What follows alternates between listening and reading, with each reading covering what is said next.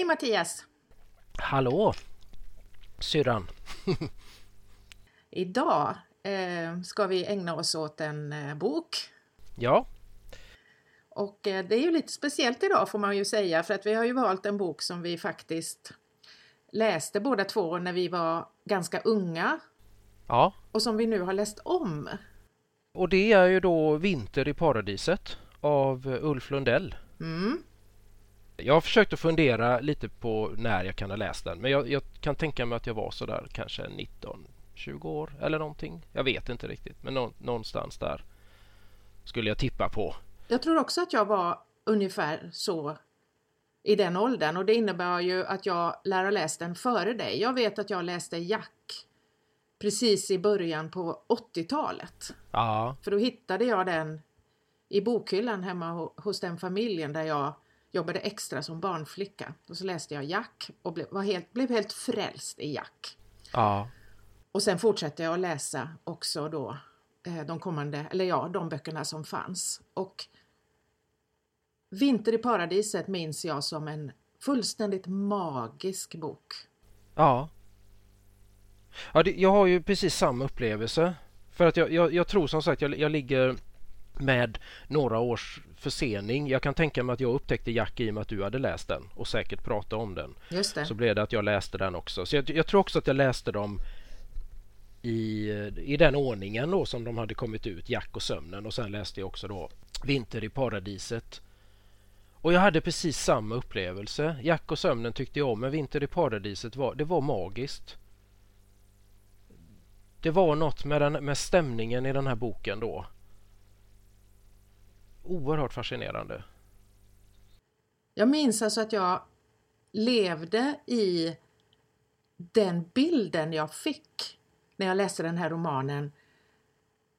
Det var vinter, det var mycket ja. snö, det var trollska skogar, det var, det var frihet och, och, och mörker och stjärnor och uh, ja, det var någonting så fullständigt fantastiskt. Och den här unga mannen då som det handlar om tror jag att jag identifierade mig med väldigt starkt. Hans eh, den här totalt fria tillvaron där han på något vis bara eh, liksom vinglar omkring. Ja, för det kan man säga att han gör. Han har ju han har inget mål i tillvaron på något sätt. Den här Pavlo heter han. Bengt Pavlo Gustafsson.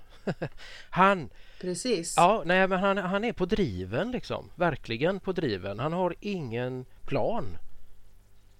Han har ju flytt ifrån Stockholm och så har han varit ute på luffen, ute i världen i fem år och hamnar då i Trondheim och det är väl där vi, vi liksom den börjar ju där då. då, då han vaknar på en strand i Trondheim. Det är, det är full vinter. Han har överlevt på grund av att han har en sån ordentlig dunjacka på sig. Just det. Som gör att han inte har frusit ihjäl där på stranden i Trondheim. För det är mitt i vintern. Och han är sönderslagen och rånad. Han saknar väl till och med sitt pass. Han har ingenting. Han, är, han har sina kläder på kroppen liksom. Han har sin dunjacka. Typ det är ungefär det.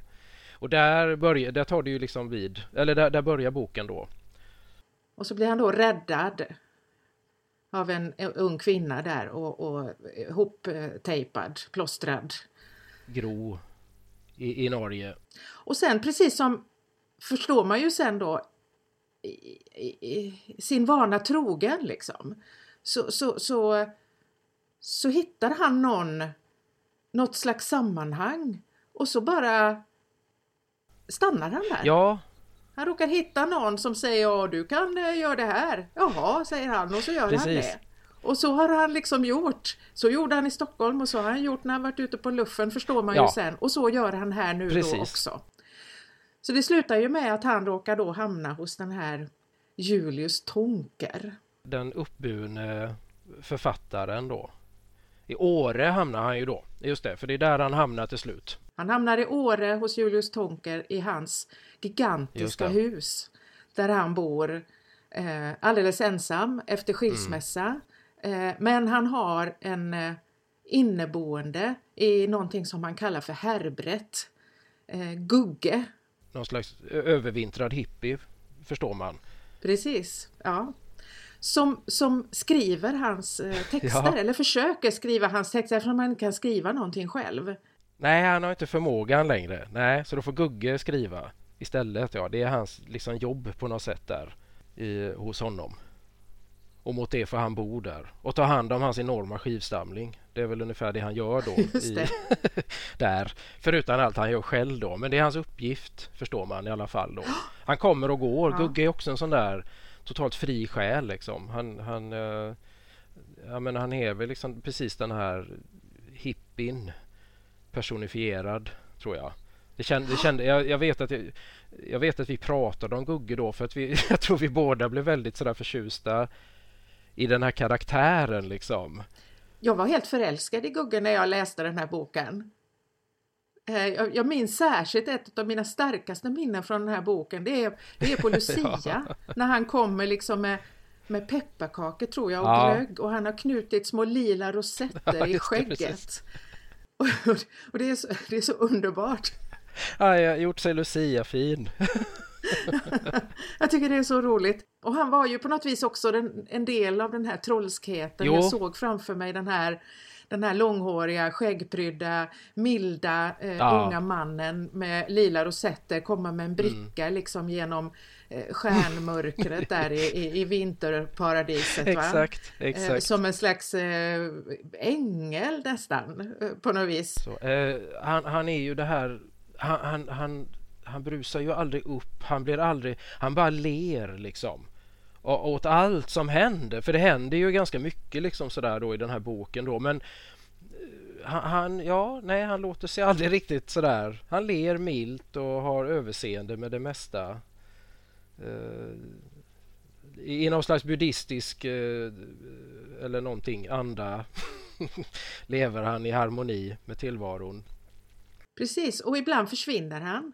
Och då berättar han att han åker pulka tillsammans då med, med några andra. Eh, och så tar de sin pulka och så går de upp eh, hö, högt upp i, i, där, där de bor antagligen och sen så åker de liksom på bilvägarna fattar ja. man det som.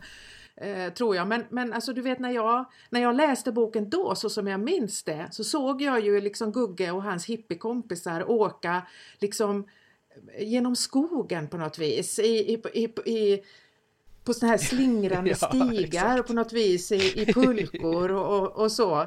Eh, och, och, och det ser jag ju nu när jag läser att det är ju inte det, det är ju inte det Lundell skriver. Nej. Han skriver ju att de åker på tomma vägar sent på kvällarna. När det inte är någon trafik. Jag tror till och med vid något tillfälle att han berättar att de tar taxi upp. Ja, just det. De tar sina pulker och så beställer de en taxi och så åker de med den upp på toppen någonstans där på Åreskutan och så åker de. Ja, precis. Men jag, jag tror att jag, jag har också känsla av att jag missade just den detaljen. Utan att jag också såg att de åkte på något sätt i, i ja men kanske i den där typen av backar som man själv hade åkt i. Fast väldigt extremt långa liksom. Ja. Eh, då in i skogen, ja. Och allihop var liksom sådär, ja men lite så hippie. De hade såna här Jesusfödda byxor på sig och stora tröjor och långt hår som fladdrar och näbbstövlar tror jag till och med han har faktiskt. Naturligtvis har han det. Jag tror att han...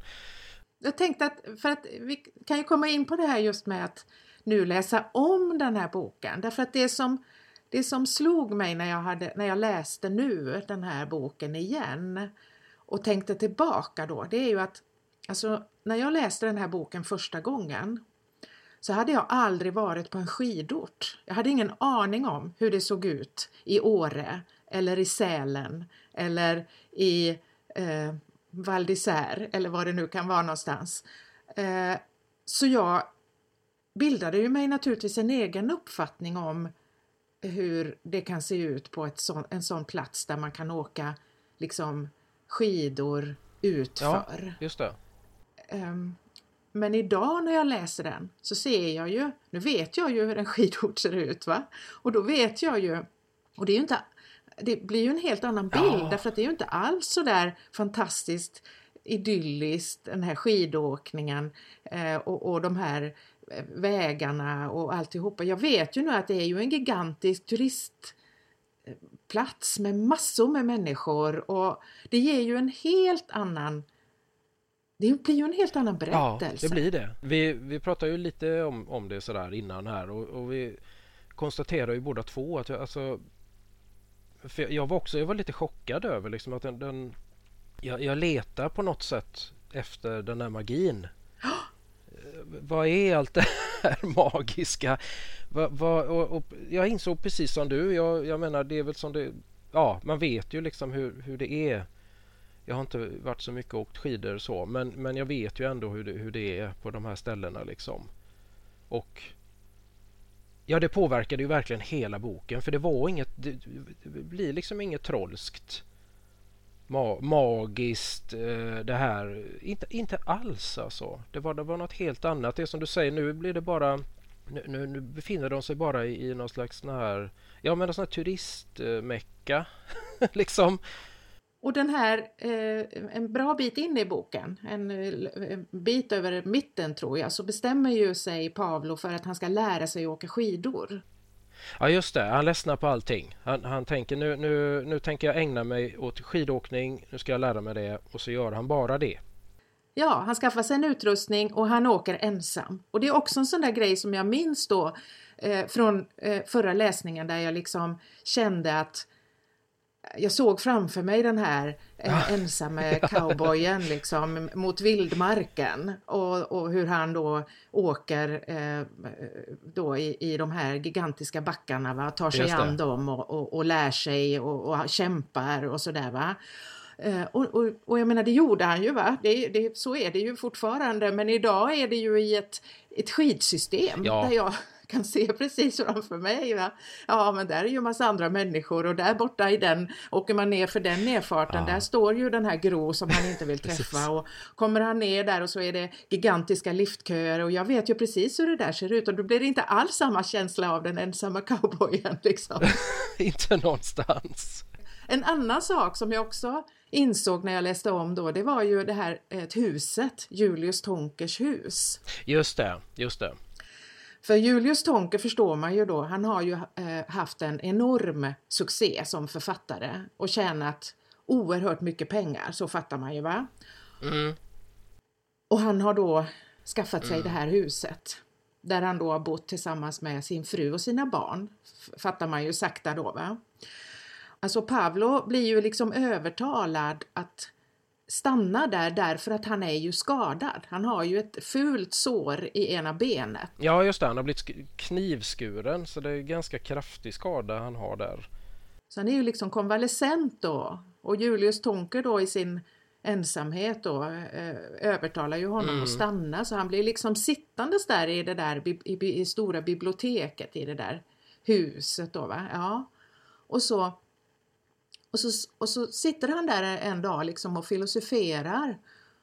Och så, så och så säger, tänker han liksom att ja, när jag kom hit först så kändes det som att jag kom till ett hus eh, som var liksom eh, ja men här, här, här lever en, en välbärgad mm.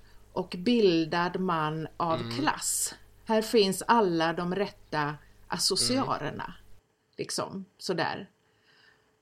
Men att när han hade varit där ett tag så insåg han att det här är bilden av en, ett hem för en bildad, välbärgad man av klass. Därför att ingenting av det här som finns i det här huset, alla prylar, alla böcker, alla mm. inredningen, mattorna, ingenting har egentligen någon betydelse. Nej. Det är bara grejer som ligger och skräpar yep. här och där liksom. Ja, han har ju bland annat den här som han återkommer till, en enorm tydligen då, eh, förstår man, vansinnigt dyr hel kamerautrustning. Precis. Som, och den liksom, det är sån där som han återkommer till, hur den liksom ligger till synes slängd i en korg där det liksom normalt då, eller det ligger kanske bland just vantar och mössor.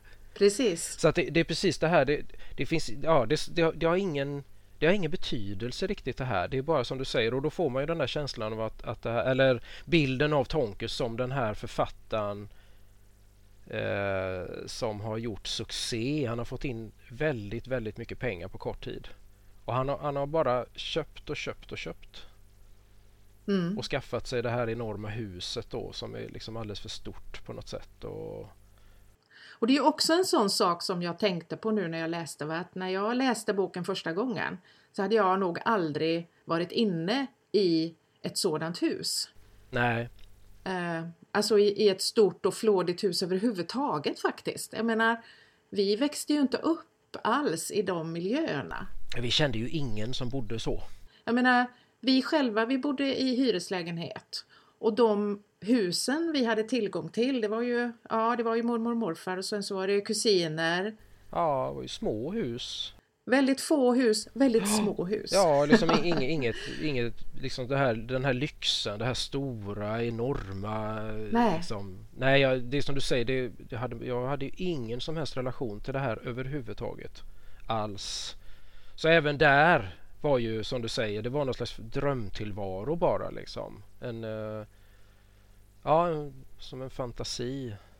Precis, och det gjorde ju att det också också tillvaron där på något vis i det här för att de tillbringar ju jättemycket tid i det där huset ja. därför att det är ju vinter och mm. smällkallt och snöstormar och, och så men även, även på något vis tillvaron där blev ju för mig då som lite ja men ganska magisk va det där det blev lite som en, eh, en slottstillvaro eller vad man ska säga i ja. min fantasi va med med stora möbler och många ja. våningar och, och, och Ja, och, och, och, den här liksom, även om han klagar på sin ekonomi så för, för, även det där, den här liksom totala eh, sen, den här, alltså fri tillgång på något sätt är pengar hela tiden.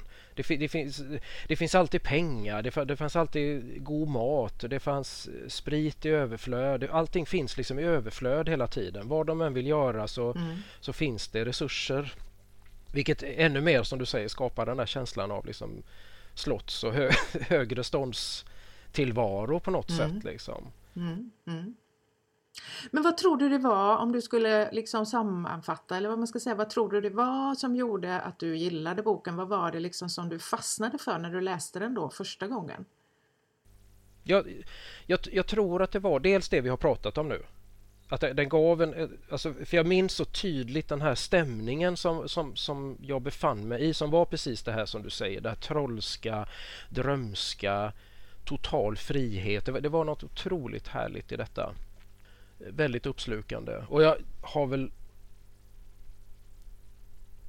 Ja, jag, jag, kan inte riktigt uh, komma på någon annan bok som har försatt mig i något liknande tillstånd. Inte på det sättet riktigt. Eh, som då inte har varit trollsk, alltså, eller vad man ska säga, som inte då eh, är science fiction eller fantasy eller någonting då. Nej, just det. Utan den här då som ju är väldigt, väldigt realistisk, vardaglig på sitt sätt. Eh, så, så dels den och även det här som du nämnde, den här friheten då. Ja men att de är så fria att, att göra saker. De, de, de, de startar grejer, de sätter igång projekt. De är, de är, alltså för Tonke, lever ju, även, de lever ju allihop där i någon slags tillvaro av icke-ansvar. Ingen av dem har något som helst ansvar för någonting egentligen. Det är ingenting de måste göra. Nej. De har pengar så de klarar sig och mer därtill och de kan göra ungefär vad de vill.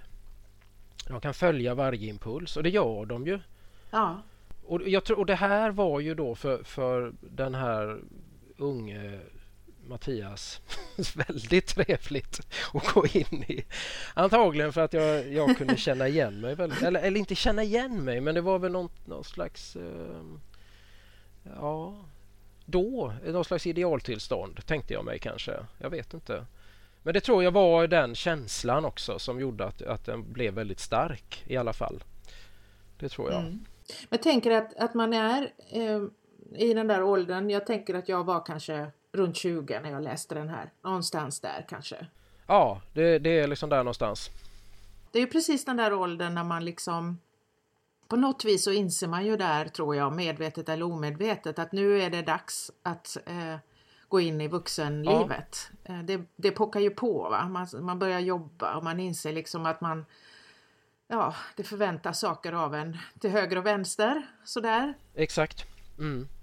Det kanske inte verkar så fantastiskt. Nej, det gjorde det ju verkligen inte. Det var inte så lockande om man säger så. Nej, och då kanske man kunde tänka i sin fantasi mm. att tänk om det fanns en möjlighet att fortsätta leva eh, det fria livet. Exakt. Det, det oansvariga eh, och eh, eh inte behöva inordna sig liksom i, i den här Ja men du vet ekorrhjulstillvaron. Jobba och ja, allt det här. Ja.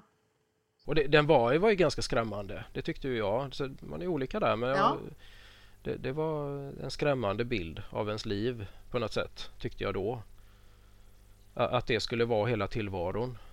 Så det är klart att jag menar den, en sån här bok då den kommer ju helt rätt i den åldern såklart. För det som du säger det här är ju liksom Ja men den bjöd på något slags alternativ då till, till det här det. gråa livet. Inrutade. Precis. Och då, det är ju givet som du säger att, att eftersom man då själv är där och han är ju ungefär, han är väl något äldre då den här Pavlo. Jag tror han är 25-26. Så han är ju lite äldre men han är ju ändå i den åldern liksom. Så det är klart att, att han är ju den som man som jag identifiera mig med då såklart. Eh, för Julius Tonker han är ju liksom eh, närmare 40 eller... Han är ja 38, 39 tror jag. Han börjar närma sig 40 i alla fall och, och jag menar i den åldern var ju det jättegammalt eh, när man var 20. Jo men alltså jag minns ju att han var i stort sett liksom ointressant på något sätt i när jag alltså jag minns inte särskilt mycket om honom överhuvudtaget från Nej och det, det är lustigt för det har jag också tänkt på att jag minns inte riktigt honom. Men, men det måste ju ha med det att göra. Ja visst. Att, att han, han, var för, han var för gammal. Han var för gammal och man kunde inte se sig själv på något vis i honom. Utan jag minns ju egentligen jag vet inte, det var ju något samma, det var nog att jag läste någonting om den här boken innan jag skulle börja läsa den nu igen och då, då stod det något om Julius Tonker och tänkte vem var det i boken? Liksom. Och han är ju liksom en av de verkliga huvudkaraktärerna. Jag menar, han, det är ju han och Pavlo hela tiden. Han, han är ju, Julius Tonker är nästan aldrig ur bild. Han försvinner vid några få tillfällen men där ser man vad identifikation ändå gör med, med ens läsning. För den jag kommer ihåg är ju eh, Pavlo Gustavsson och Gugge. Men när du läste om nu den här, eh, Vinter i paradiset. Va, vad ser du nu? Liksom? Ja, för det var ju det som var så fascinerande. Jag, jag började läsa den här boken och såg verkligen fram emot det. För jag har alltså inte öppnat den här boken sen då. Ibland är man ju bläddrar i böcker, men det har jag inte gjort med den här utan den har faktiskt stått sen dess. Och när vi pratade om det här att vi skulle läsa så tänkte jag gud vad det här, det här ska ju bli riktigt härligt att gå in i den här världen igen. Och nu då när jag läser om den, för det första så får man ju då naturligtvis då precis det här som du nämner här att, att, att nu är ju Julius Tonke den som är, är, är, närmast även om man inte är speciellt lik honom i övrigt så, så i ålder. Så därför får ju han en mycket, mycket större roll den här gången såklart än vad Pavlo får liksom i sin ungdomliga vilsenhet. Mm. Men framför allt tror jag när jag, när jag då liksom jag försökte liksom hitta den där magi magin och allt det här liksom va. Och det enda jag ser är ju bara, det är bara tragik. Den är så tragisk den här boken för det ja. enda jag egentligen idag kan se det är att de super. De super och super och super. Ja. Det är ett, ett, evigt drickande. Det går inte, nästan inte en dag utan att de dricker. Och det här, alltså det blir ju liksom, det, det, det finns ingenting i detta som är, är alltså, alltså jag, jag kan Alltså nu finns det ju ingenting i den här boken jag kan identifiera mig med längre. Alls. Jag, jag ser Nej. bara liksom alltså vilsna människor som bara försöker supa bort uh, allt för att de, jag vet inte, de vill inte riktigt tänka eller något. Nej. Och i, i någon slags desperat flykt så tar de till spriten. Och det är ungefär det. Och, eh, jag vet inte, hade du, vad hade du för... Nu, nu när vi läste om liksom? Nej men precis, precis samma sak. Jag tyckte det var bara tragiskt. Ja. Det var bara allt i den här boken är tragiskt. Det är bara sorgligt och de förmår inte göra någonting av någonting. Alltså de, de, de drar ju igång mycket projekt. Men ingenting blir färdigt. Aldrig någonsin. De håller på... Ja, de har massa idéer. Mm, och mängder med förutsättningar har de. De har utrustning, de har idéer och, och även om han då, man förstår att han har någon skatteskuld som jagar honom men på något vis finns det ju ändå fortfarande pengar va? till det ena och det andra. Om det sen är, är lånade pengar eller inte, det får man ju aldrig riktigt någon klarhet i. Va? Men, men, men, men det blir ju det blir ingenting, allting rinner ut i sanden och så dricker ja. de. Så dricker de whisky eller så, eller så dricker de sprit eller så dricker de champagne eller så Ja, champagne, mycket champagne. Det är mycket, återigen det här nyrika livet. Och så är de bakfulla och så äter de och så är de bakfulla och ångest och så åker de hit och dit och fram och tillbaka och det blir ingen ordning på någonting. Och, och jag menar det är ju inte bara de här två, eh, Tonker och, och, och Pavlo. Nej det är ju egentligen allihop. All, alla i den här boken. Det finns någon... Eh, Prästen och ryssen och allt vad de heter. De bara lullar omkring liksom och, och försöker komma undan på något sätt va? Den enda som verkar vilja något det är ju hon Gro då men hon är ju liksom Henne får vi inte riktigt lära känna sådär. Hon är mer som en bifigur liksom. Det är som någon slags så, kvinnan, den enda liksom egentligen kvinnan i boken mm. som, som har någon större roll liksom. Och hon går, ja, vi får ju ingen djupare bild av henne liksom så. Hon jobbar i Storlien på något hotell där och hon är, hon är mer någon slags Eh, liksom det här objektet för både Pavlo och Tonker liksom som eh, tävlar om hennes gunst. Eh, så att även om hon har mål med sitt liv så får vi det får vi aldrig veta riktigt egentligen. Det fördjupas aldrig. Nej. Och vad som till och med Gugge går in i detta på något sätt. Han då som jag minns som någon slags idol. Mm eh, då från första läsningen, han blir också en i detta gänget liksom. Även om han inte super, för det gör han inte. Han dricker inte förutom vid något tillfälle. Men han, han, är, han är ju lika planlös han. Han bor ju där i härbret för att... Ja, säkert för att det är bekvämt. Ja. Tja, Alltså ja, varför inte? Man kan lika gärna bo här som någon annanstans. Alltså det, äh, det, det är ju inte så att han har haft någon, någon liksom idé om det heller egentligen förstår man ju. Utan han har ju precis som alla andra bara hamnat där. Mm, mm. Och sen i slutet av boken så är han väl liksom på väg. Jag tror han flyttar sen eller hur det är. Men det är också sådär lite sådär av en händelse. Han, han träffar någon som de kallar för amerikanen och så plötsligt så är han iväg och då är han iväg på något nytt. Precis tragisk bok. Om man liksom ska liksom försöka sammanfatta det så här idag. Så tror jag det är min, min upplevelse av det hela. Och, och tra, tragik och alkoholism. För att det är också den här som jag tyckte... För det kände jag igen så mycket i och med att man... Alltså, jag har ju träffat ganska många av de här människorna som var såna här. Och kanske är. Mm. Som drack, fick idéer, och dagen efter så var det inte lika roligt längre. Nej, precis. Förrän nästa gång personen drack. Kanske samma kväll. Och då var idén tillbaka igen. och, så, alltså där, och då har man ju liksom haft ett antal sådana vänner och bekanta. Och det är precis det som jag tycker beskrivs här. Liksom. Det, och ibland så, de börjar ju på någon film där, Julius. Han har ju som du säger hela utrustningen och de, eh, Pavlo får vara med och spela och Gro får vara med och spela och de spelar in och de har massa filmmaterial till slut. Och han sitter ju och klipper det. Han har någon maskin där nere i källaren och klipper och... Nätterna igenom sitter han och jobbar med detta och han tills allt bara visar sig vara meningslöst. Han slänger alltihop och det blir ingen film. Det liksom... Så inte ens det enda projektet som ändå ser ut att skulle kunna bli någonting och där han själv, eh, Julius, tänker sig att det här skulle kunna bli någonting. Det här kan bli min återkomst nu när jag inte kan skriva längre. Nu ska jag göra film men inte, inte ens det blir eh, någonting av. Och sen, sitter, sen sitter ju han i, också i dagar och veckor känns det som och spelar in eh, Pavlos reseminnen. Ja, det är det sista han gör. Den där sista, just det, förhoppningen om att han ska kunna skriva en bok. Just det. Så det håller de på med jättelänge ja, och spelar in. Han har hur mycket kassetter som helst till slut. Och sen ger han sig ut i bilen för att han ska lyssna igenom och, och, och skapa strukturen i detta då.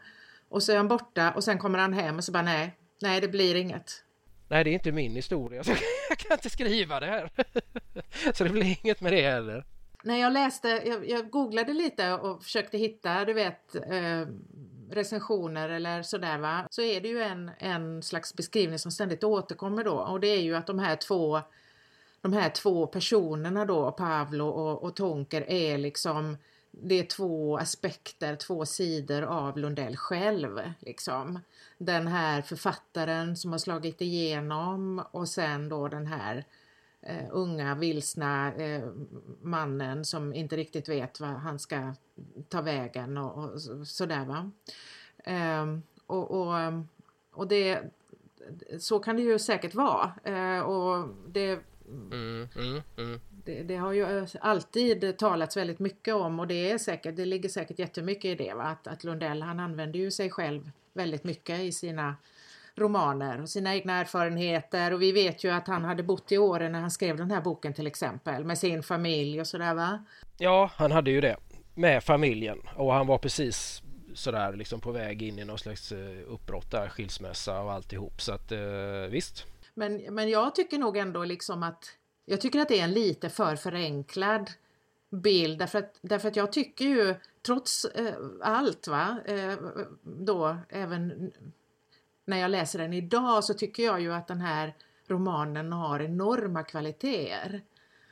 Bortsett ifrån, eller jag menar trots sin enorma tragik, eller kanske till och med på grund av sin enorma tragik, det skulle jag nog säga att det, det kanske, för det, det betyder liksom inte och det, det, ska vi ju säga, det betyder ju inte att, det, att den blir dålig för det eh, på något sätt. För det är den inte.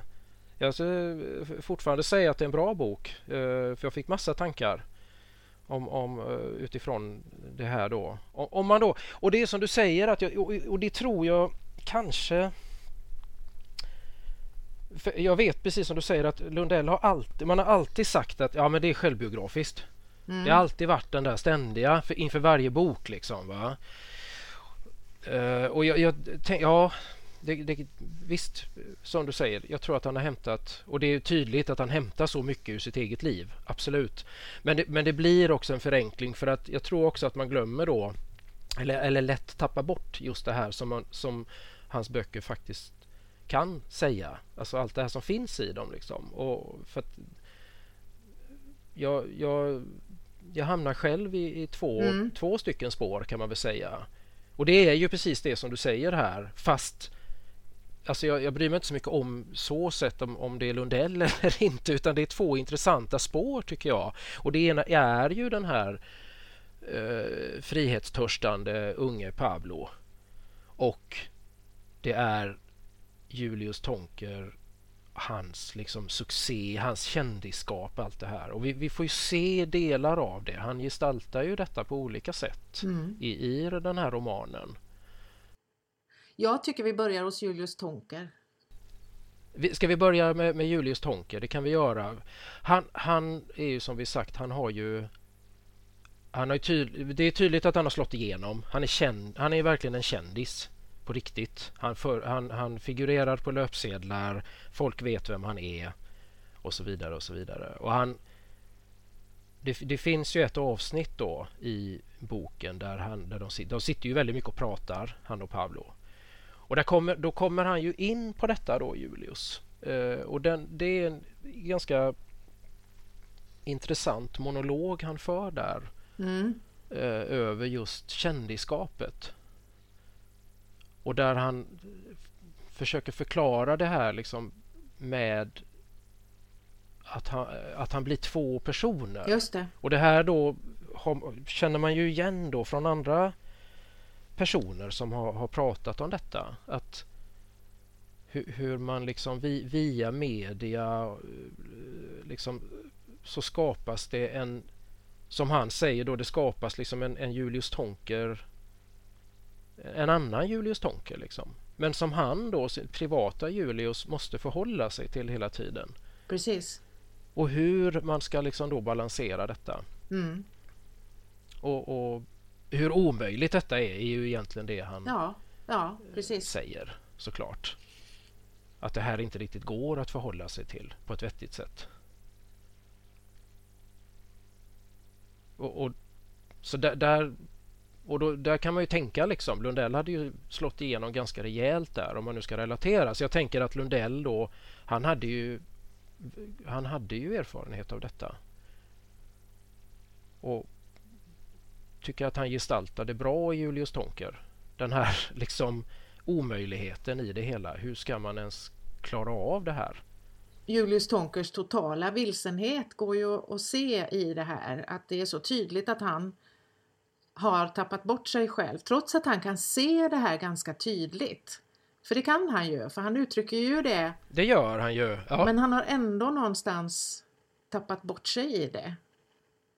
Och han kan ju heller inte riktigt hantera det. Definitivt. Därför att han beskriver ju där, vi får ju vara med om en situation, eller det är ju två situationer egentligen, när han blir Ja, Exakt. Det, börjar, det är ju då, alltså skidsäsongen, vintersäsongen drar ju igång på riktigt där.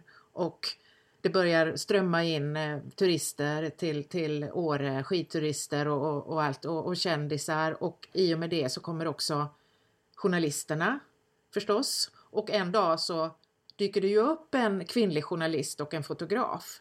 De ser dem då komma upp mot huset. Um, och eh, då ställer ju sig, han tar ju med sig Pavlo ut och så ställer han sig utanför huset med en yxa. Ja, ja just det, det stämmer det. Och säger att de inte, nej ni får inte komma in. och skriker och gapar liksom. Eh, och hon försöker ju då på alla sätt och vis liksom och, och säger smickra honom. Ja, exakt, för hon vill ju in där liksom hos honom. Hon vill göra ett reportage, såklart. Eh, och han släpper ju inte in eh, dem och, och sen eh, så, så, så, har de ju något resonemang där, där, där han säger då att ja men det hade ju kunnat bli en, bla, en bra rubrik av det här. Känd författare, yxmördare, damtidningsjournalist eller något sånt där tror jag han, han skojar om då va. Men sen så, jag vet inte om det är dagen efter eller så, men det går någon dag. Sen plötsligt så bjuder han ju in dem. Exakt, oförhappandes. Så bjuder han in dem på spritparty. Och det blir, det blir liksom en fyllefest utan dess like. Som ju slutar i en, en, en eh, löpsedel som, som eh, så det kommer lite, eller skvallertidning, så det kommer ju lite senare då. Då sitter ju Pavlo och, och, och Tonker i soffan där med armarna om varandra och så, och så säger, eh, vad heter det, Tonker då att nu lever jag bara med Pavlo. Just det, just det. Så det blir någon sorts under, underförstådd mening i det hela att de, att de har liksom ingått i någon, någon homosexuell relation där. Att nu har Julius Tonke kommit ut här och skaffat sig en, en ung älskare. Ja. Och de är snörfulla förstår man då på den här bilden när de sitter där liksom ja. i soffan. Liksom. Ja, riktigt bra, fint skandalreportage blir det av det hela. I det här resonemanget då sen som, som Julius Tonker har när han pratar med Pavlo, det är ju han säger då med, med, med, frun då, så de är ju separerade. Hon har ju tagit barnen och, och flyttat ja. ut va? och de håller på med någon slags skilsmässoförhandlingar då. Men han säger ju då att inte ens hon kan se skillnad på de två olika Julius Tonka. Inte ens min fru, mina barns mamma, Nej. kan se vad som är vad. Utan hon blandar också ihop de här två eh, varianterna av mig. Va? Och det är, ju så, det är ju så sorgligt så att man, det gör nästan ont i bröstet. va? Det är ju hemskt, verkligen. Apropå liksom kändisskapets baksidor. va? Verkligen. Och det, det, är ju precis det här och det, det tänker jag att det, det, har väl säkert med, jag menar det har ju med, med livserfarenhet och alltihop att göra men det här gick mig ju så totalt förbi när jag läste den första gången. Fullständigt. Jag har ingen som helst minne av att jag läst om några baksidor av, av kändisskapet. Men nu var det, det är så tydligt liksom att mycket av av den här tragiken ligger ju just där liksom. Att, att det, det har gått för fort för honom. Han, han, har blivit upphöjd över en natt liksom. Och, och det, har, det, har, bara strömmat in pengar och han är känd överallt. Alltså precis det här liksom den här det här totala genomslaget som en artist eller författare kan ha då ja. med, med, sin debut. Oavsett vad det handlar om liksom, så är det som att det är, något, det, det, det, det är en tillvaro som tuggar i sig människor, alltså, verkar det som. Ja, så där, där det, det tyckte jag var intressant. Uh, att han, jag tycker att han ger en ganska, kan jag tänka mig då, en ganska realistisk bild av det faktiskt. Av, av hur allting kraschar liksom. På grund av den här och det, det, är ju det som blir så hemskt med allt det här. Liksom. Det är ju det också att, att, att, att, varje människa som har uppnått det här har ju strävat och kämpat i många, många år oftast liksom, för att ja. få det här genombrottet. Liksom. Och här mm. sitter han nu liksom. Och det är nog jättemånga som skulle känna igen sig, som själva har varit med om det, som skulle känna igen sig eh, i, i, eh, i Julius Tonker och hans känslor och hur han reagerar på saker och ting och, och, och, hur han fullständigt tappar alla perspektiv. Jag tänker på när, när eh, hustrun där hör av sig och vill ha om vi vill genomföra liksom bodelningen då, att hon ska ha hälften. Va? Då, ja, då tar han sig för liksom att såga isär soffan och flygeln i två. Ja, just det. Ja, det gör Hugger sönder eh, den vita flygeln, ja. Ja. För nu ska hon få hälften. och det är liksom också någon sån där... Eh, eh, det, det är på något vis liksom, det är en människa som fullständigt har tappat det, va? Ja, men verkligen. Nej, men jag kan förstå känslan. Jag kan förstå den här första du vet instinktiva känslan av att jag jävlar, vi delar på det. Jag såg, ja. men att därifrån till att faktiskt göra det ja. är ju ett väldigt långt steg. Ja det är det och där känner man också i sådana stunder så, så, tycker jag det känns som att där, där blir han då den mediala Julius Tonker. Ja, just det. det är som att han gör saker Alltså det, det, är lite den där, ja men det här, kan, det här skulle ju kunna bli en bra rubrik. Alltså, alltså det är som att det ligger där någonstans i hans bakhuvud hela tiden. Just det. Den här dubbelheten också som jag kan tänka mig då att det blir. Man är liksom beroende av pressen och samtidigt hatar man pressen. Just det. För att det är också pressen som gör att man är känd. Det, det är, där jag, det är det som lyfter fram mig hela tiden och samtidigt så hatar jag dem. Det är liksom och, och, det här är, han gör det ju gång på gång. Liksom. Här, är inte, här finns de ju inte med. Han gör det här bara hemma. Men det känns som att han liksom går in i sitt kändis-jag och gör detta ja, det. som den kände excentriske Julius Tonker. Se vad han gör liksom. Han är, ju, han är verkligen galen den här mannen. Va? Han är helt... Eh, ja, mycket spännande. Ja. alltså får man lite den där baktanken då liksom att vilken konstnär ändå som gör detta. Va? Och det är ju den mediala bilden tänker Precis. jag. Eh, som jag tänker mig att man lätt fastnar i då. Va? Att, att man gör inte saker för dess egen skull utan man gör det liksom för, för att stärka bilden av sig själv oavsett om det är någon där som ser det eller inte. Jo men precis och kanske också någonstans något, på något bakvänt sätt liksom göra det som de ändå tror att jag gör. Ja, jag kan lika gärna göra det här. För det är, det är ju ändå vad de tror om mig. Ja. För så känns det ju när han bjuder in de här. Att där känns det ju verkligen så. Okej, ni vill ha ett skandalreportage, nu ska vi ge er det. Nu, nu får ni det. Här är sprit. Så. och så kör vi igång.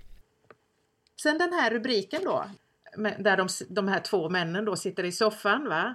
Den ser ju Pavlo i samma ögonblick så att säga som han är på väg att faktiskt åka ner till Stockholm. Han bestämmer ju sig. Han är ju ensam där då va för Tonker har ju gett sig ut på någonting så han är själv och han bara ja nej men jag åker ner till Stockholm och så åker han ner till Stockholm. Och det är ju då han, han ser den här, den här eh, löpsedeln. Och så kommer han hem då till, ja. till pappan i Stockholm. Det är ju en annan intressant del av det hela. Precis. Det är ju det, det, är ju det som egentligen har upptagit mina tankar mest mm. faktiskt i, i det här apropå vad, som, vad, vad det, den här boken har väckt. Liksom. Det är ju den här relationen då till, till pappan här. Hans mamma är död. Så att pappan lever ensam i, i någon liten lägenhet där i Stockholm mm. då. Och vi får ju möta pappan väldigt tidigt i berättelsen därför att han nämner ju, ja. han kommer ju till, till Norge med en massa pengar som han har eh, tjänat på narkotikaaffärer. Va? Just det. Mm. Ja, och exakt. det är ju de han blir rånad på då. Men de här pengarna har ju han tänkt att använda sig av eh, för att han ska köpa tillbaka sin pappas eh, föräldrahem. Va? Ja, så är det. Någon, någon barndomsgård där ja. Mm. Ja, och så ska pappan lära upp Pavlo. Och, och de ska bli smeder. Till, till smed, mm. för det är, det är pappan i grunden då ja. Ja just det. Och då tänker Pavlo att smed det är väl ett rejält ja. yrke. Det kan jag bli. Det är bra. Det, där har jag någon slags framtid, tänker han. Så han åker ju hem till honom. Han träffar väl några polare först och sen så åker han hem till pappan. Och möts ju av, av ett ganska ordinärt liksom, hem, tror jag. En enkeman. Mm. Ganska... Ja, men han beskriver ju det som väldigt trist. Liksom. Ett ganska grått hem. TVn står på. Svartvit TV? Eh, en svartvit TV står i hörnet där. Pappan har några gråa gabardinbyxor på sig. Han, han eh, ja, men det är också det här lite, alltså, återigen med tragiken. Varför vill du ha något att äta? Ja tack säger Pavlo. Ja men en skinkmacka ska jag nog åtminstone för det har ju varit jul tror jag. Precis. Eh, precis. Så att, eller om det är jul till och med, jag kommer inte ihåg nu men det är kring jul så han säger en skinkmacka ska jag nog kunna fixa till och det visar sig att det är knäckebröd med skinkbit på. Ja och slottssenap och en öl. Och slottssenap och en öl. Det är liksom vad han förmår, det är vad han har hemma då. Ja. Pappan som ändå säger att han eh, har det bra, eh, förstår man. Liksom. Det verkar han eh, tycker det är ensamt utan mamman. Det är väl ungefär det. Liksom. Annars har han väl så han klarar sig. Han berättar ju också om den här till slut när de har suttit där bra länge liksom i tystnad och tittat på den svartvita tvn och sådär så berättar han ju om den här planen. Om, om smedyrket. Han gör ju det ja. Eh, och vad han hade tänkt att han skulle göra. Va? Det här hade jag mm. tänkt göra. Det det här, och, så skulle, och pappan är ju totalt oförstående inför detta. För, för, behövs väl inga smeder, säger han. Det är ingen som vill ha en smed idag. Nej. Dessutom säger han, hur ska du tänka köpa? Det är, inte, det är ju någon annan som bor där idag i den här gården. Det kan vi väl inte köpa? Och sen säger han ju då att skulle du köpa den med svarta pengar då? Ja, säger Pablo, pengar som pengar. Och då bara muttrar ju pappan liksom. Det tycker jag inte riktigt vidare. pappan.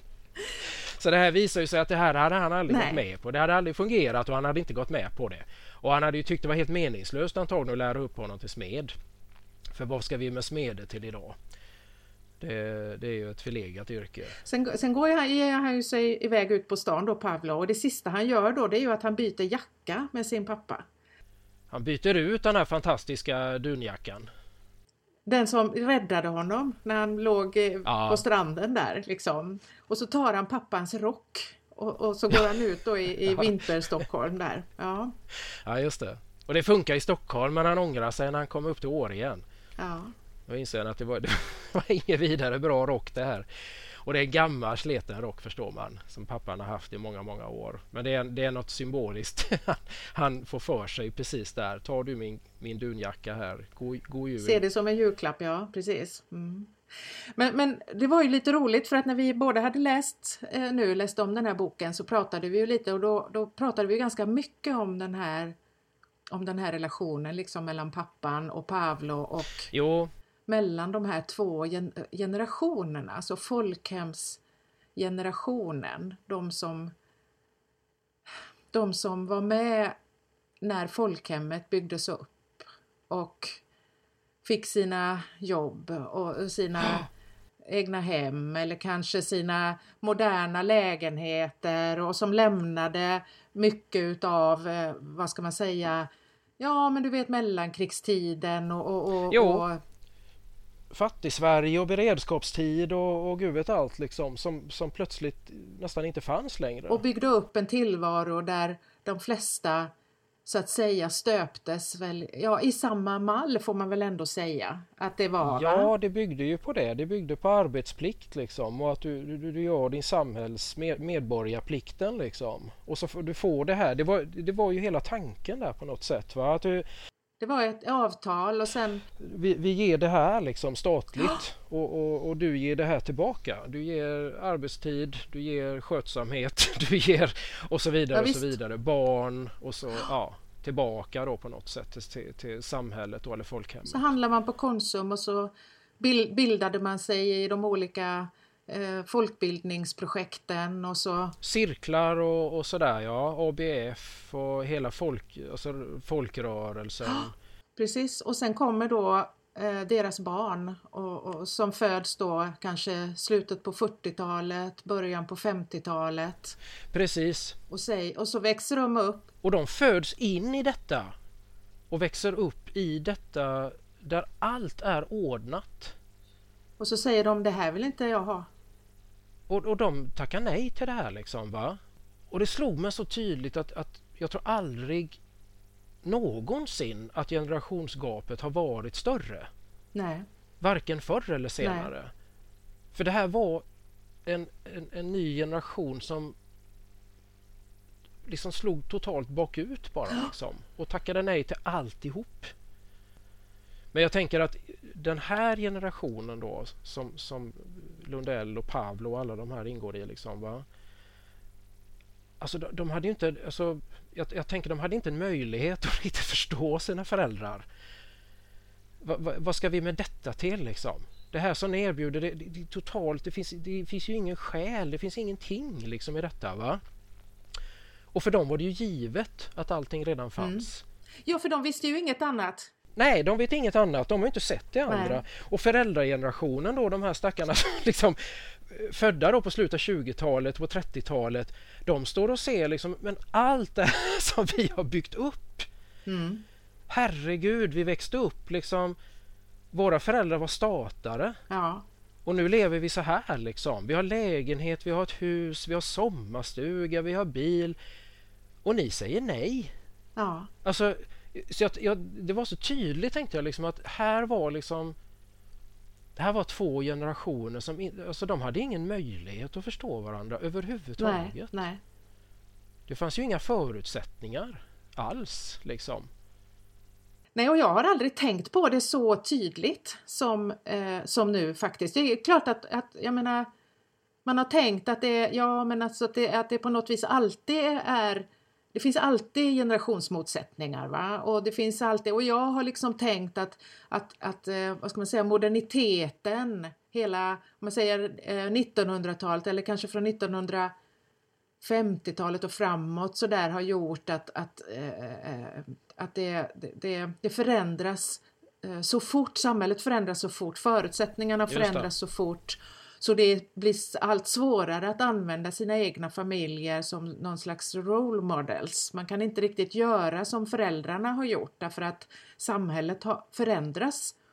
Och det har jag tänkt ganska mycket på. Mm.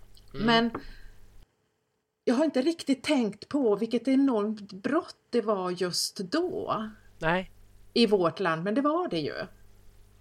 det var det och jag har inte heller tänkt på det. var den här boken helt och hållet. Den, den bara, jag, jag bara fick en sån där att ja herregud. och, då, och, och plötsligt så dök det upp andra grejer. Jag, jag kom ju att tänka på den här Stefan Jarls film De kallar oss mods. Och då var jag tvungen att kolla upp då Kenta och Stoffe och de som är där. Det är ju liksom, för den som inte vet det så är det ju en dokumentär då om ungdomar i Stockholm som eh, driver omkring liksom. Eh, lever liksom ett liv, eh, ja de dricker öl och, och röker hasch och vill egentligen ingen, egentligen vill de ingenting. Det, de, de bara vill ha kul, det är det Mm. liksom. Lite som att läsa romanen Jack då faktiskt. Att eh, vi vill ha kul, eh, det är allt. Mm. Det, vi vill ha frihet och vi vill ha kul. Och då inser jag ju när jag tittar kollar upp det här att, att de är ju, det är ju exakt samma kull liksom. Kenta och de då i den här filmen då när de är unga där. De är födda ungefär samtidigt. Nu, nu gick ju de en helt annan väg liksom. Nu, nu blev det ju tunga droger och knark där men, men Men det är ändå den här, och jag, jag, kan se fler, jag kommer att tänka på Magnus Uggla, alltså mycket av dem, och väldigt många som vi konstaterar, många av de här som jag tänker artister då, som, som vi då lyssnade på, svenska artister, när vi växte upp, är ju precis, kommer ju ur detta ja, då. Liksom. Ja. Det var den, mycket av den kulturen vi fick till oss när vi var då i 20-årsåldern. Precis. Det var, det var ju de här mm. Liksom, mm. som hade gjort någon slags ja, men, hel omvändning liksom. De, de, bara ville inte ha det här. Liksom. Nej. Och, och, och, grejen är att alltså jag, jag känner ju igen mig så mycket i detta och, och det pratar ju vi om också. Att, att, och, och, jag har liksom fått en, jag har fått en helt annan förståelse nu för min egen mina egna eh, känslor eh, och, och mina, min längtan och allt detta just i den här åldern. För att, ja, för att vi är ju lite svansen av det här kan jag tänka. Alltså, du, är ju, du är född 69, jag är född 64. Mm. Vi var ju unga då i början på 80-talet när Liksom, så vi upplevde ju inte riktigt det här, för det gjorde så att säga halvgenerationen före oss. Va? Men, mm. men, men men eh, kulturen som vi fostrades i, den ungdomskulturen, var ju indränkt i den här, i frihetslängtan, i uppbrott, i, i uppror av olika slag. Va? Bara, liksom faktiskt. Lägg dig inte i vad jag gör för 17, låt mig vara i fred. Liksom. Och... Ja, för det är väldigt tydligt. Föräldragenerationen bör hålla sig på avstånd. Det var ju så extremt tydligt när vi växte upp och jag kan tänka att det var då ännu tydligare här. Vi vill inte ha med dem att göra överhuvudtaget. Nej. Och jag menar, jag har tänkt på, jag har ju vuxna barn som har flyttat hemifrån. Va? Och, och när de då börjar närma sig, när de kom upp i övre tonåren, nu är de bra mycket äldre nu då, va? men du vet jag var ju helt jag var, jag, var ju, jag var ju fullständigt förbluffad över att de, att de ville bo kvar hemma. De blev liksom 18, 19, 20 och, och jag tänkte så här, men varför vill de bo kvar hemma? Jag kunde ju inte komma iväg fort ja. nog. Jag flyttade när jag var 17. De ska ju göra revolt nu. De ska ju hata allt jag står för. Ja, ja. Jag förstod ingenting liksom. Nej, jag har ju också idag barn som nästan är vuxna båda två. Jag, precis, vi har ju också pratat mycket om det, liksom den här att nej, de verkar, de verkar inte ha det här behovet nej. av att liksom Visst behov kan man se att skapa sig sin egen person och allt det här och, och, men inte alls den där som var då för det, det var ju liksom givet på något sätt. Helst skulle man ju ställa sig på andra sidan. Ja, visst. Eh, liksom politiskt och värderingsmässigt, ideologiskt. Liksom, så långt bort som man bara kunde komma. Visst. Oavsett om man nu tyckte så eller inte. Det spelade inte så jäkla stor roll. Liksom. Huvudsaken var att jag inte tyckte som mamma och pappa. Nej, precis. Och det är som du säger, den, det finns ju liksom inte idag. Eh, eller finns kanske det finns men, men vi har, jag har ju inte heller upplevt det här alls på samma sätt. Liksom. Men vi fick ju det här till oss hela tiden att du ska göra uppror och frihet, det är det ja, viktiga. Och, och, du vet, jag tror inte, för att jag berättade, tror jag, lite kort för dig. Jag, jag tycker detta är så fantastiskt. Alltså när jag gick i, jag, jag, har räknat ut att det var när jag gick i sjätte klass, och då, så då är man 11-12 ja. år någonting. Då fick vi åka från Kållered där vi bodde, där jag gick i skolan, så fick vi åka in till Mölndal där det fanns en biograf som heter Möllan. Och så fick vi titta på, vi fick se den här filmen De kallar oss mods. Ja, just det. Eh, och jag funderade lite grann på om det var så att det var nästa film vi hade sett, den som heter Ett anständigt liv. Men det var det inte, utan det, för, den kom, för den kom senare så det stämmer inte. Ja, så det var den här De kallar oss mods och vi fick se den som en del i det som kallades för sant. Eh, information och sant stod för sniffning, alkohol, narkotika, tobak. Och det var... Ja, men gud! Det kommer jag ihåg nu när du säger det. Ja. Precis, det var liksom eh, olika typer av, av information för att man skulle undvika detta då. Alla de här olika drogerna. Och en sån där sak då, en, en, en aktivitet vi fick göra då, det var att se, de kallar oss mods, i någon slags avskräckande syfte. Ja. Och jag minns så väl när denna 11-åriga, 12-åriga Anna sitter på bussen hem från Möllan och tänker Fy fan vad fräckt! Exakt. Vilken enorm underbar frihet! Exakt. Jätteintressant. Så Du vet, det var ju totalt... Den fick motsatt effekt, totalt. Fullständigt motsatt effekt, vet du. Och det var säkert inte bara jag, jag har hört andra sen jag i vuxen ålder jag har nämnt det här, så jag har hört andra som har sagt ja, jag reagerar precis likadant, jag har aldrig känt mig så, så pepp som när jag kom ut från den filmen. Alltså jag såg ju den eh, långt senare sen för jag, jag, vi, vi missade det på något sätt. Jag är ju som sagt då, det är fem år där. Lite för ung va? Mm. Ja, och jag tänker då i, i vårt fall kanske i så fall ett anständigt liv. Men... De kanske hade kommit på. Ja, de kanske hade kommit på vilken effekt det här fick. Jag vet inte. Tinne, eh, tinnetrasorna eh, plötsligt, sniffningen bara ökade. Ja. I, i kollera Ja, istället. precis. För det var stort på den tiden, kommer jag ihåg. Alla, alla sniffade. Ja. Alla jeansjacka sniffade och, och körde ju Push Dakota med, med päls ja. Eh, på sadeln. Nej men jag, jag, jag, så jag tänker de åren kan jag ha gjort lite där för sen kom ju ett anständigt liv och den var väl lite väl tung kanske för att visa för en mellanstadieklass ja. då. För den är, den är så hemsk alltså, herregud. Men, men däremot så såg jag ju, jag var ju såg de här tre filmerna i ett svep vet jag en gång på, på Hagabion i Göteborg liksom. Då visade de mm. den här plus den tredje då som hette Det sociala arvet som han gjorde sen då om Kenta. Men alltså det var precis så. Jag, jag såg första filmen, jag kommer ut därifrån och jag kände alltså vilken livsglädje, herregud. Det var, jag förstår ju precis som du säger och vara liksom så här, ja. gå i mellanstadiet och få se de här coola grabbarna i Stockholm liksom. Så de bara, ja, de springer ju bara omkring och garvar och lajar. De bara liksom. De har jättekul. Det var skitkul. Alltså det är, det är en fantastisk film på det sättet liksom. Speciellt då om man liksom bortser från då hur det hela skulle, vart det hela skulle ta vägen sen. Liksom. Så det, det, det är jäkla livselixir. Ja. Mm. Nej, men det, det, så att det, är, det är ju ett exempel verkligen på, på just detta. För de är precis i samma... Det är exakt samma ålder liksom. Det, det är så. Det är jeansjackor, det, det är mellanöl. Och, och, och, bara någon slags allmän, alltså den här känslan som finns i väldigt många av Lundells böcker har jag tänkt på då den här som han beskriver om och om igen. Den här enorma längtan efter frihet och jag tänker eh, att det här också, återigen det här med, med Lundell liksom det finns väl inte en människa som inte har åsikter om Lundell om man säger så. Men jag tänker att det han beskriver det kan man ju då, det har ju vi pratat mycket om, att man kan ju man kan ju liksom raljera och man kan liksom skoja ganska mycket om det. Att liksom han, ja, ja. ja.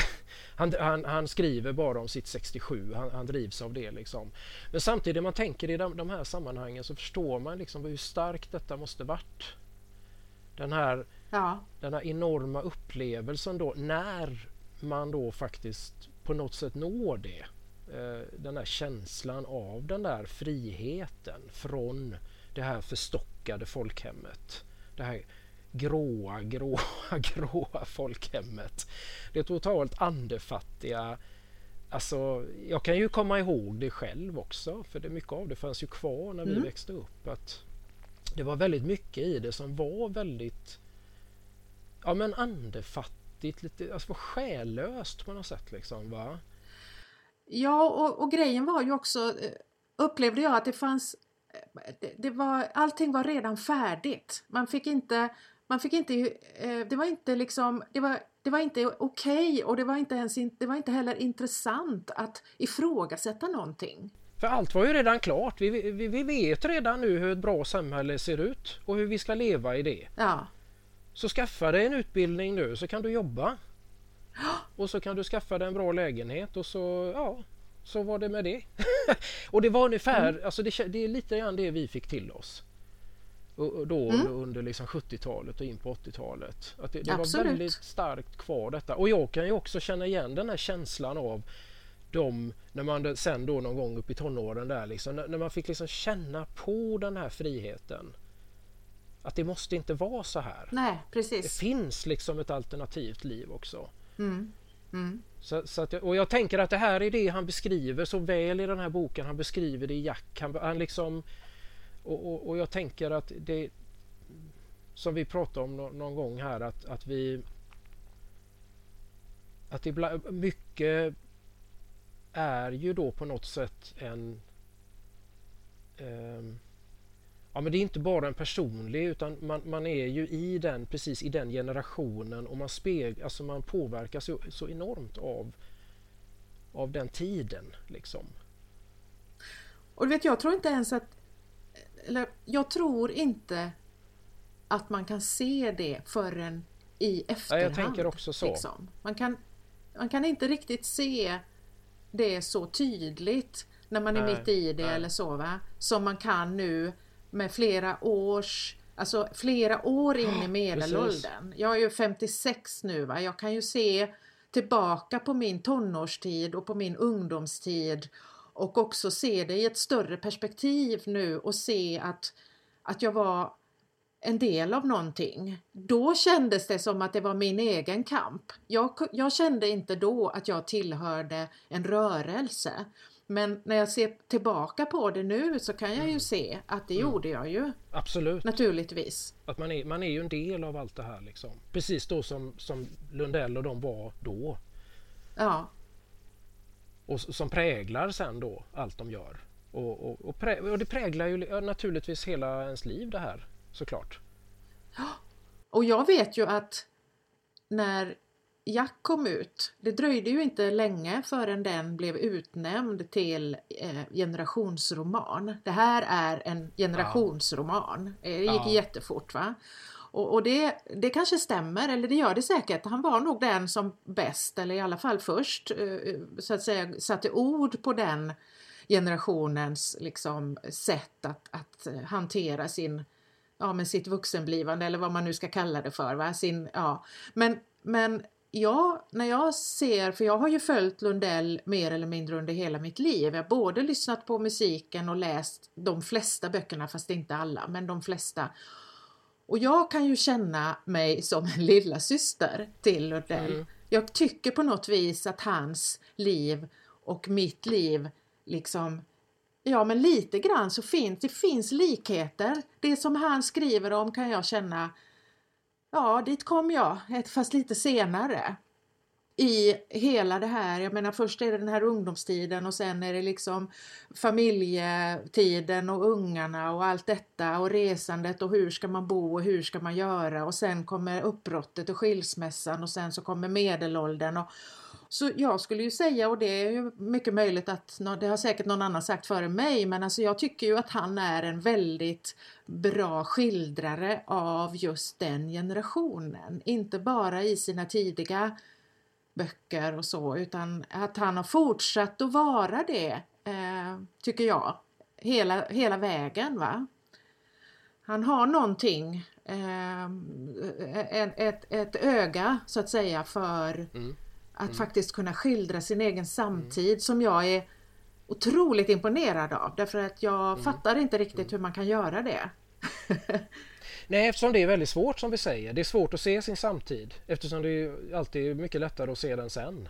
När, när, som vi idag kan titta liksom, som vi säger då på, på hela folkhemmet. Alltså mycket av det finns inte kvar Nej. längre och det, det är så oerhört lätt att se det idag. Ja. Fast då när man lever mitt i någonting så är det ju svårt. Så han, det är ju fantastiskt det han gör då på det viset både i, i, på sina plattor och i sina böcker. Ja. För jag har ju också då som sagt både hört och läst mycket av det. Ska vi säga någonting bara sådär om, om, eh, om skivorna? Eh, alltså de som var samtida? Ja, vi kan ju nämna eh, för han är ju som flera har konstaterat att han, han, är unik på det sättet att han under hela sin karriär har gett ut böcker och skivor. Han identifierar ju sig väldigt mycket, förstår man, i båda de här. Eh, liksom ska, alltså det, det, är ett. Och det hör man också när man lyssnar på hans mm. det, det, är ju mm, ett. Liksom, för att han det går igen mycket liksom, i det han skriver i böckerna kan man också se i hans texter ja. ibland. Men det var ju som någon sa att det, lyxen är att du kan läsa en bok av Lundell och sen kan du lyssna på skivan som kom ut samma år. Eh, eller tvärtom. O oerhört eh, lyxigt liksom. Så att när den här då kom ut, jag, jag, var tvungen att göra upp en liten lista här, då kommer ju den här 79 Vinter i paradiset.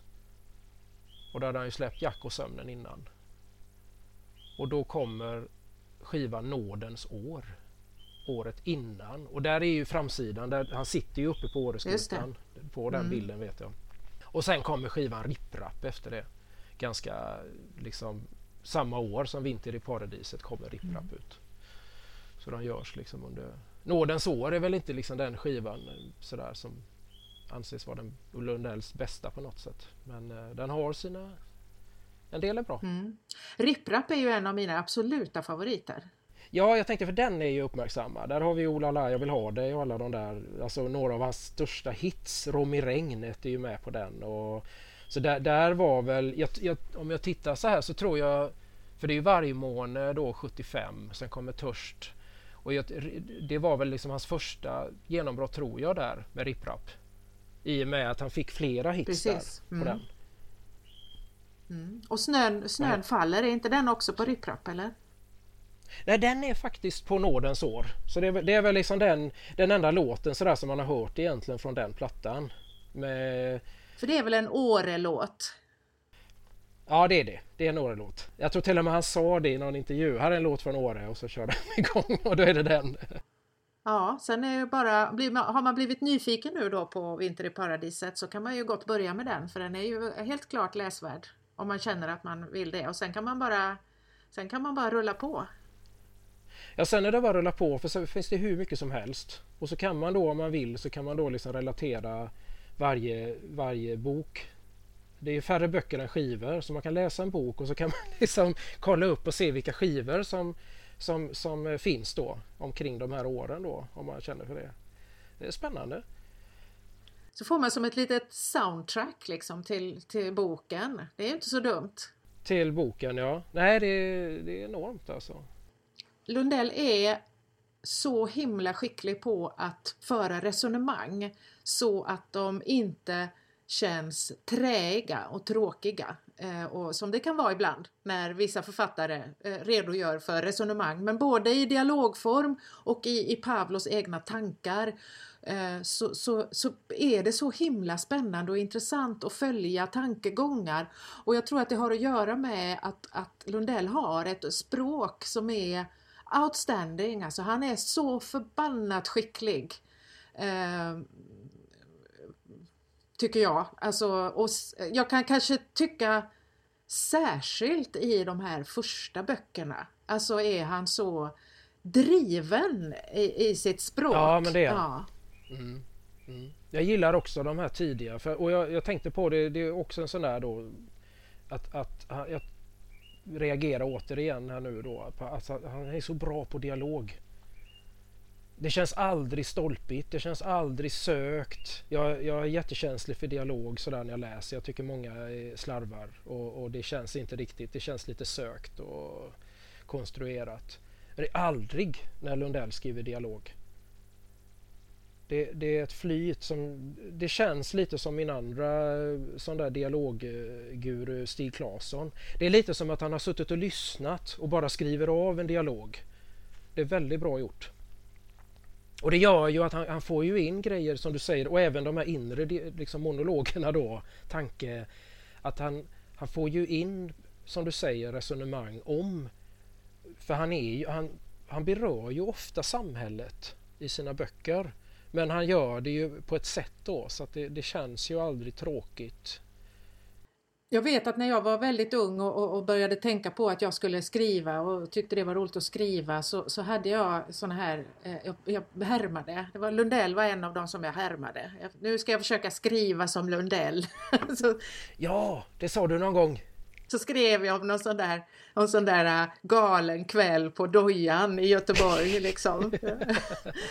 Hittade du den någonsin? Ja, ja, jag har hittat den här. Den finns här. Du har hittat den, det var så ja. Härligt. Mm. För jag tror nämligen att jag har läst den här någon gång. Men jag... Det kan du nog ha gjort. En Monica Tunnell-kväll på Dojan har jag skrivit om. Ja, som ju då är naturligtvis självupplevd men jag har försökt att beskriva den liksom Eh, Sås Ja, precis. Jag, jag, jag, får se om jag, jag ska titta lite på den så kanske jag, jag kanske publicerar den på min blogg. Ja, men det får du göra. Det tycker jag absolut. En uh, Lundell pastisch och skriva. det är ja, jätteroligt, verkligen. det är väldigt roligt. Och lite Göteborgsnostalgi på det. Ja, ja visst. Ja, nej, jag menar dojan, vet du, det var länge sedan man gick på. Ja, men du, eh, då är vi kanske nöjda för idag. Vad säger du? Ja, men jag tror det. Hej då! Ha det så bra! Hej då!